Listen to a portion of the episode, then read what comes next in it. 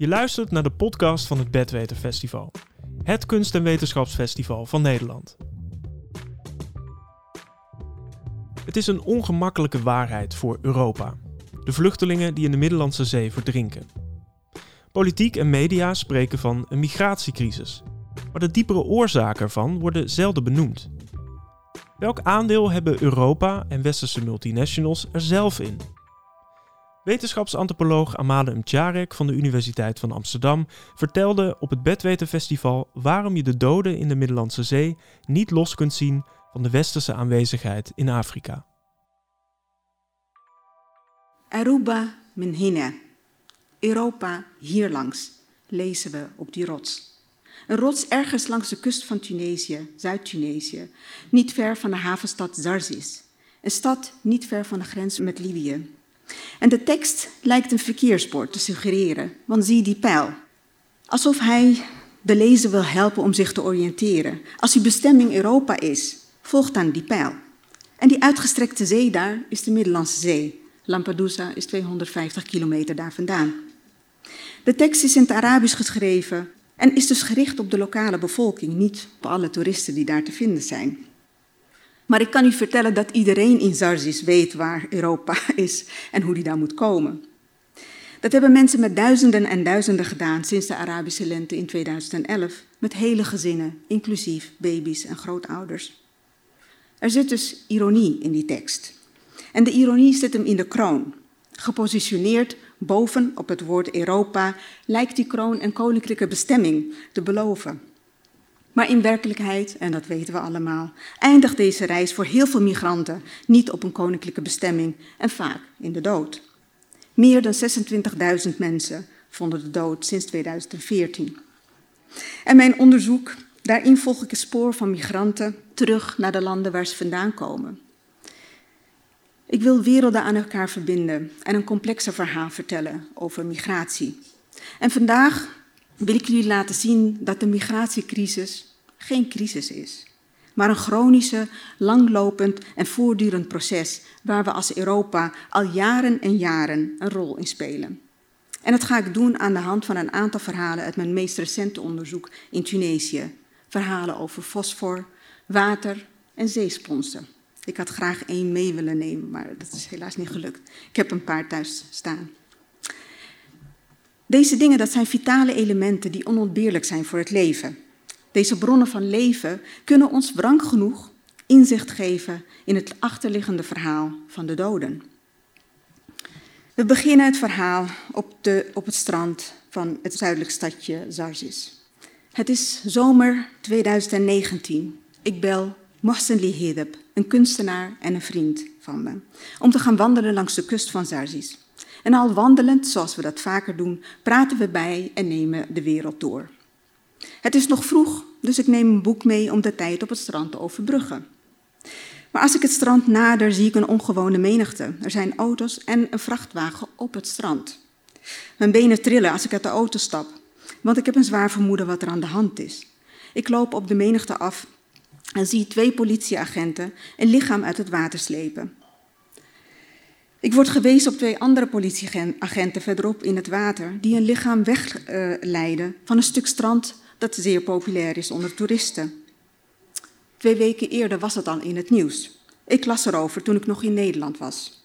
Op de nacht van 4 juli was een schip met 89 mensen aan boord onderweg van Libië naar Europa, vlakbij de, Zuid, de zuidkust, Tunesische zuidkust, gezonken. En slechts vier mensen konden door lokale vissers worden gered. 85 verdronken. Al die lichamen spoelden op die verschrikkelijke dag aan op de lange kust van Zarzis. En twee dagen later waren we de lichamen aan het begraven. En toen ik buiten de provisorische begraafplaats staand in de verte tuurde, zag ik heuvels die op glinsterende witte bergen leken. Dat was zout. Het Franse bedrijf Cotisal oogst het zout van de befaamde zoutvlaktes van Zarzis. En nog steeds wordt het zout door Cotisal tegen prijzen gekocht die in een koloniale tijdperk zijn vastgesteld. Kiloprijzen die vele malen goedkoper zijn dan de prijs die een Tunesiër ervoor moet betalen. En de hele dag door rijden vrachtwagens vol met zout af en aan naar de havens van Zarzis. Dus terwijl de lichamen die wij begroeven op hun reis naar Europa werden gestopt, komt het zout met al het gemak van de wereld, het EU-grondgebied, binnen. Die dag op het strand ving ik een glimp op van het lichaam dat Ali en zijn collega's uit het water haalden. Het lichaam van een jonge, sterke man, waarschijnlijk uit een land bezuiden de Sahara. Die man verdient een verhaal. En zo'n verhaal vraagt om een bepaald type werk. Bijvoorbeeld het werk om zijn lichaam waardig te onderzoeken. In de hoop hem te identificeren en wellicht een naam te geven. Dit is typisch het werk van forensisch onderzoek. Belangrijk werk, dat zeer haperend en zeer langzaam op gang komt. En hoewel ik me jarenlang heb gebogen over de type forensisch onderzoek dan in, in relatie tot ras en racisme, en dat doe ik nog steeds, wil ik juist in mijn onderzoek naar migranten een andere draai geven aan, het, aan de forensische benadering. Forensics as an art of paying attention, als een kunst van aandacht geven. En wat bedoel ik daarmee? De lichamen die aan de kust, de kust van Europa en Noord-Afrika aanspoelen, worden typisch grensdoden genoemd. Een belangrijke term die ons eraan herinnert dat mensen niet door migratie sterven, maar door dodelijke, gemilitariseerde grenzen, waarin we miljarden en miljarden steken. Maar het paradoxale aan deze term grensdoden is dat we het probleem steeds vanuit een Europees perspectief benaderen. Door bijvoorbeeld kritisch te analyseren wat het Europees beleid is en wat het doet. Maar wat gebeurt er als we de Middellandse Zee oversteken? Wat gebeurt er als we het verhaal ergens anders laten beginnen? Bijvoorbeeld op een van de stranden van Zarzis. En ons afvragen, hoe zijn deze lichamen hier beland? Het gaat hierbij niet alleen om vragen over de persoonlijke biografie van migranten, die ook belangrijk is en waar ik me ook over buig, maar juist om de complexe omstandigheden die verband houden met deze doden. Want wat als we de doden zorgvuldig zouden verbinden, niet met grenzen die doden, maar met het leven en middelen van bestaan? Wat als we de doden en hun lichamen zouden relateren aan vitale elementen, zoals zout, water en zeesponsen of fosfor? Wat voor verhalen kunnen we dan vertellen? Om ruimte te geven aan de complexiteit van het leven, moeten we de kunst van aandacht geven, ontwikkelen. De kunst om stil te staan bij sporen die triviaal lijken. De kunst om ook te midden van een crisis te vertragen, te kijken en verbanden te leggen tussen zaken die we normaliter niet aan elkaar verbinden, relateren. Dingen die heel verschillend zijn, zoals een waterprobleem daar en mijn tomaatje hier. De kunst van aandacht geven leer je door te praktiseren. Net als het met proeven van nieuwe dingen. De smaak moet langzaam, zich langzaam ontwikkelen. Je vergelijkt, je wikt, je weegt en leert langzaam verschil te maken. Nou, deze kunst is niet aangeboren, aangeboren en komt ook niet met een goede inborst of zo, maar moet langzaam in relatie tot en in openheid met de omgeving ontwikkeld worden. Dit is de kern van het onderzoek waarin ik de waaraan ik de komende vijf jaar wil werken. En ik begin steeds op de stranden en stel de simpele vraag: hoe zijn deze lichamen hier beland? En ik wil jullie hier als het ware een voorproefje van geven. En we beginnen met fosfor. Nou, fosfor is een element dat van vitaal belang is voor al het leven op aarde, inclusief dat van de mens. Zonder fosfor zouden we uitsterven. En hier verwoordt de biochemicus Isaac Asimov het onomwonden. Hij zegt, het leven kan zich voortzetten totdat alle fosfor is verdwenen. En dan is er een onverbiddelijke, onverbiddelijke stop, die door niks te voorkomen is. Dit is, zo zou je kunnen zeggen, een matter of fact. Maar er zijn ook zorgen. Deborah Shore schreef in 2014 een beleidsstudie waarin ze stevig aan de bel trok. Ze waarschuwt voor een tekort aan fosfor als gevolg van bodemerosie. Wij spoelen het gewoon weg. Neem dan fosfor, zegt ze. Het is de elfde meest voorkomende element op aarde. Absoluut essentieel voor, het voorbestaan van de mens, omdat planten het nodig hebben om te groeien. Een bestanddeel van bijna al het voedsel dat we eten. En het is nodig om onze lichaamscellen goed te laten functioneren. Het zit in onze botten en in onze tanden. Als je naar ons gewicht kijkt, dan bestaan we voor ongeveer 1% uit fosfor. Maar de hoeveelheid toegankelijke fosfor op aarde is beperkt. En er bestaat geen kunstmatige of synthetische fosfor. Fosfor is dus een vitaal element dat niet kunstmatig te maken is en dat we in grote hoeveelheden in de zee spoelen. Nou, deze vitale rol werd al veel langer geleden onderkend en ver buiten gespecialiseerde wetenschappelijke kringen. Niet als een ecologisch probleem, we moeten er zuinig mee zijn, maar als een, als, een als een geopolitiek probleem. Waar kunnen we het vandaan halen? Ik kan het belang van fosfor niet genoeg benadrukken. Niet alleen voor landbouw en bodembehoud, maar ook voor de fysieke gezondheid en economische veiligheid van de mensen in het land. Daarom is de kwestie van een continue en adequate toevoer van fosfaaterts rechtstreeks van invloed op de nationale welvaart en de veiligheid. Aldus Franklin Roosevelt in een bericht aan congres in 1938. Fosfor in de chemische bewerking tot fosfaat is zoals bekend een cruciaal landbouwproduct. Meer dan 90% van de productie is bedoeld voor de veehouderij, maar vooral voor de agrarische sector. Maar wat gebeurt er met fosfor in Tunesië? Nou, daar wordt het massaal geëxporteerd. Want tot voor kort was Tunesië de vijfde fosfor-exporterende land van de wereld. Het begon in april 1885, toen de Franse amateurgeoloog Philippe Thomas rijke calciumfosfaten ontdekte in het zuiden van Tunesië, nabij de stad Gafsa. Tien jaar later werd onder Frans koloniaal bestuur het fosfaat, de fosfaatfabriek Compagnie de Phosphate de Gafsa geopend. En er werd een speciale infrastructuur ontwikkeld. Gafsa was eigenlijk een dorpje, werd een heuzenstad met dure huizen, cinema en theater voor het koloniale bestuur. Maar er kwam ook een spoorlijn, om het fosfaat naar de kust te kunnen transporteren, om het daar vandaan naar Europa te kunnen verschepen.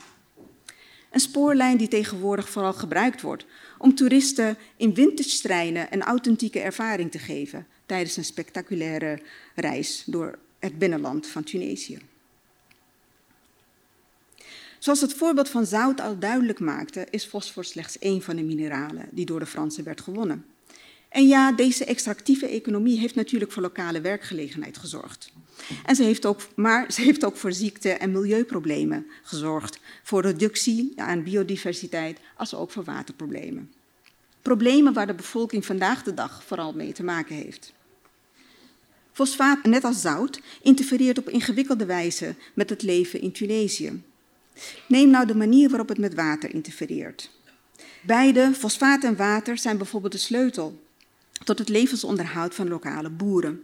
Zonder fosfaat, fosfaat en water geen oogst. En die twee zijn nog verder verstrengeld met elkaar. Want de productie van fosfaat vereist veel water, heel veel water.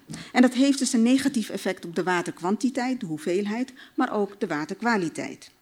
Het water dat in Tunesië voor het wassen van fosfor nodig is, wordt uit waterreservoirs, grondwater, weggezogen en vervuild aan het landschap teruggegeven.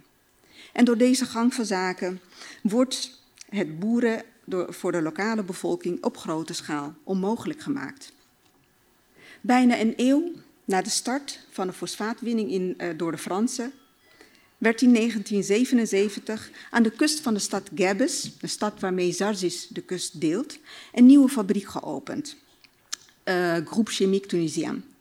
En de taak van die fabriek was om het fosfaat al in Tunesië te wassen voordat het geëxporteerd kon worden. En de opening van dit bedrijf werd in Gabes alom verwelkomd en beschouwd als een enorme kans voor werkgelegenheid voor welvaart. Maar de verwerking van fosfaat en andere chemische producten bleek tegen een hoge prijs te komen. Niet alleen raakte de hoeveelheid kostbare water uitgeput voor lokale boeren, het heeft ook voor het voormalig ecologisch waterbeheersysteem in een befaamde oase van Gabes verstoord. Dus terwijl het water wordt opgezogen, gaat het wassen en zuiveren van fosfaat gepaard met de productie van onder andere radioactief afval. En momenteel wordt dat water direct in open zee gedumpt, wat je daar ziet. Dat is een foto die ik een jaar geleden heb gemaakt.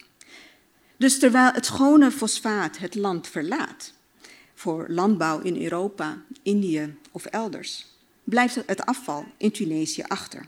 En daar wordt op gereageerd. Wat u hier ziet, het embleem uh, aan de rechterkant. Ik vind het een adembenemend uh, embleem dat ontwikkeld is door lo lokale milieuactivisten in Gabes, gericht tegen de fosfaatindustrie. In het Engels staat Stop Pollution. In het Arabisch staat Nheb Ik of wij willen leven. De fabriek wordt dus in toenemende mate als een ramp gezien, dat naast natuurproblemen en armoede onder vissers en boeren ook gezondheidsproblemen voortbrengt. Want grenzend niet alleen aan de superdiverse golf van Gebbes, dat lang niet meer zo divers is, dat tot voor kort vol leven zat, maar ook aan de unieke oase aan de zee, een UNESCO-monument, heeft de fabriek het water in en de omgeving onleefbaar gemaakt. En de stap om dan in een bootje te stijgen is gauw gezet. Die onleefbaarheid is niet zo ingewikkeld om te zien. Een andere wandeling met Mohsen, die we een jaar geleden maakten. De stranden volgend om sporen van migratie te verzamelen, vonden we wederom vele lichamen. En dit keer niet van mensen, maar van zeeschildpadden. Dit zijn trieste, maar al te bekende beelden op de stranden van Zarzis en van Gebbes. De kust en de zee zijn drastisch veranderd door vervuiling, veroorzaakt zowel door de zoutindustrie, maar vooral ook de fosfaatindustrie. En het probleem van, uh, van vervuiling liet de Zarzis-visser Slahaddin Mesharik verzuchten: het visgebied van Zarzis is een Sahara geworden, een echte woestijn. En die vervuiling leidt tot onleefbaarheid. En daar hebben niet alleen de zeeschildpadden last van, ook zeesponsen. Deze prachtige organismen zijn op zichzelf waanzinnig interessant en ik ga u niet daarmee lastigvallen hier. Maar ze kunnen ons ook een interessant verhaal en interessante inzichten geven in de complexe problematiek van migratie. Het is algemeen bekend dat door overbevissing door Europese landen het leven van artisanale vissers in, rond de Middellandse Zee, maar ook in West-Afrika onmogelijk wordt gemaakt. Visserij speelt een belangrijke rol, ook in het zuiden van Tunesië. Maar er is ook een rijke traditie aan het opduiken of duiken naar zeesponsen. Het probleem is echter dat, vissers steeds moeilijk, dat het hen steeds moeilijker wordt gemaakt om zeesponsen te oogsten en om die tegen goede prijzen te kunnen verkopen. En er komt nog bij dat door vervuiling steeds minder sponsen zijn. Maar eventjes terug naar die traditie. Want het ontstaansverhaal van de stad Zarzis is onlosmakelijk verbonden met zeesponsen. Het verhaal gaat dat zeesponsduikers in het verleden vanuit Zarzis een stukje naar het noorden zeilden, naar het eiland Kerkena, om sponsen daar te oogsten, die ze vervolgens op het vasteland verkochten in Sfax, een stad waar een internationale sponsenmarkt is. Maar onderweg naar huis maakten de vissers een stop op het eiland Jerba, om daar een deel van hun geld om te zetten in olijfboomscheuten, om in Zarzis uh, uh, die olijfbomen te planten en olijfbomen te kweken. Sponsen en olijfbomen zijn emblematisch voor Zarzis. Zeesponsen werden sinds de oudheid in dat deel van de Middellandse Zee geoogst. Ze staan ook bekend om een hele, hele goede kwaliteit. Zelfs in tijden van de Feniciërs en de Romeinen. Maar ze blijven iconisch in Zarzis, waar elke zomer een festival wordt gevierd rond de sponsen. Hier rechts, naast de visser uit Zarzis, zien we de Franse ambassadeur in Tunesië, Olivier Poivre d'Arfour, die een pleidooi houdt voor de Tunesische zeesponsen. En hij wijst hier op die bizarre discrepantie in economische waarde. De prijs van een spons die hij daar in zijn handen houdt op de interne Tunesische markt is ongeveer 1 dollar, terwijl een spons van Yves Klein, waarmee hij zijn beroemde blauwe uh, schilderij, blauwe werken maakte in Tunesië met Tunesische zeesponsen, nu in Museum of Modern Art in New York staat en een waarde heeft van 80.000 dollar. Inderdaad, de vissers van Zarzis lopen tegen veel problemen aan. Nou, een van die problemen is het feit dat de Tunesische vissers doorgaans tegen zeer lage prijzen hun producten moeten verkopen. En omdat het hen onmogelijk wordt gemaakt om de uh, te opereren op de internationale markt. Maar ironisch genoeg hebben de Tunesische sponsen eenmaal op de internationale markt de neiging om van identiteit te veranderen. Zij worden bijvoorbeeld tegen hoge, als hoge kwaliteit Griekse sponsen verkocht, omdat die duurder zijn, duurder worden afgenomen. En dit is een bekend fenomeen, want velen van u hebben wel eens een eerste persing Italiaanse olijfolie geconsumeerd, die feitelijk uit Tunesië kwam. En dit moet ons aan het denken zetten. En vooral over de migrant en zijn of haar streng gecontroleerde identiteit. Want terwijl de goederen die de internationale markten betreden voor ons plezier graag van identiteit kunnen veranderen, en dat noemen we economische, economische ondernemerschap, kunnen mensen beter uit diezelfde landen beter geen fratsen halen met hun identiteit. Dat noemen we criminaliteit. Een tweede probleem gaat over het effect van vervuiling op het leven van de sponsen. Sponsen worden steeds vaker gebruikt als bio-indicatoren om de vervuiling en de gezondheid van maritieme ecosystemen te meten. Sponsen voeden zich namelijk met kleine deeltjes in de die in de stroming zweven.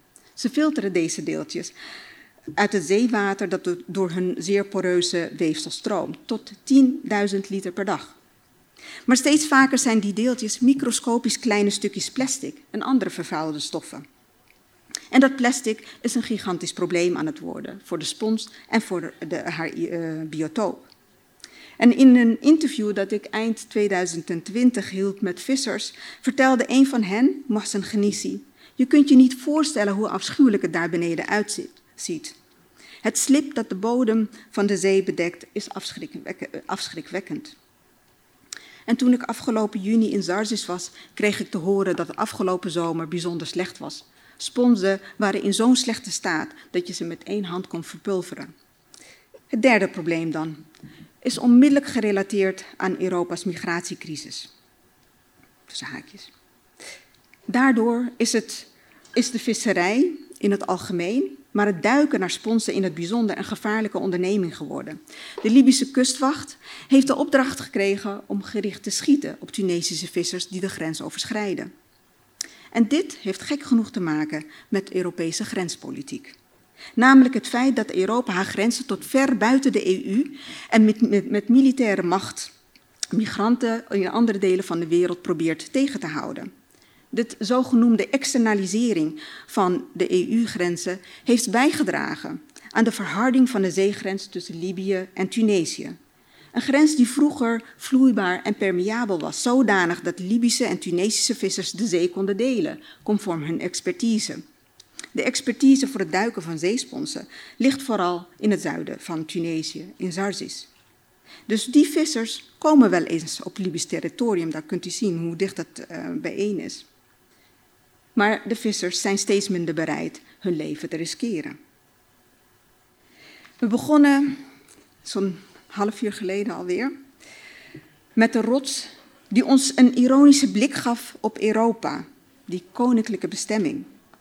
En niet ver van die rots vandaan werden in de zomer van 2019 lichamen uit het water gevist. Lichamen van mensen wiens reis naar Europa abrupt werd gestopt.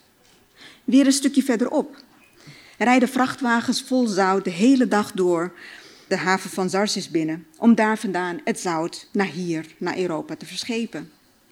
Hoe anders wordt onze blik als we de veilige, o zo bekende Europese bodem verlaten en zoals hier de Middellandse Zee oversteken? Wat een rijkdom aan verbanden kunnen we in ene leggen. Niet langer de simpele verhalen als ze zijn zielig, ze hebben honger, er is oorlog en daarom moeten we ze opvangen. Of juist houd die deuren stevig gesloten, want het zijn uitvreters die uit zijn op onze rijkdom. Of de alarmerende, de, de alarm- en crisistaal die onze politici uiten en miljarden storten in het bewaken en militariseren van Europese grenzen. Stop, heb ik voorgesteld. Stilstaan. En precies daar waar de dood zich aantoont, op het strand, een open vraag stellen. Hoe zijn deze lichamen hier beland? En door de dood niet met te verbinden met grenzen die doden, maar ze aan het leven te verbinden en aan middelen van bestaan. Vitale elementen heb ik voorgesteld, vitaal. Wordt duidelijk hoe wij hier in het veilige Europa een rol spelen in de verhalen van mensen daar. Verhalen over migratie en over de dood gaan niet alleen over hun, maar vooral ook over ons. Ik heb de dood van migranten in verband gebracht met zout, met fosfaat, water en zeesponsen.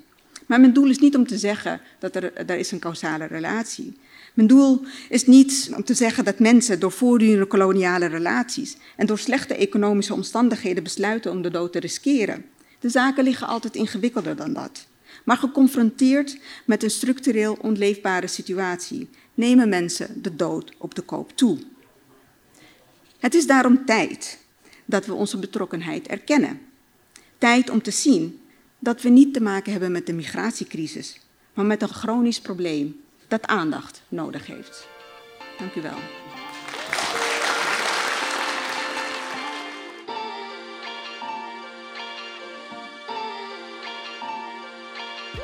Je hoorde een aflevering van de podcast van Studium Generale. Benieuwd naar meer afleveringen? Ga naar sg.uu.nl/podcast of abonneer je op je favoriete platform.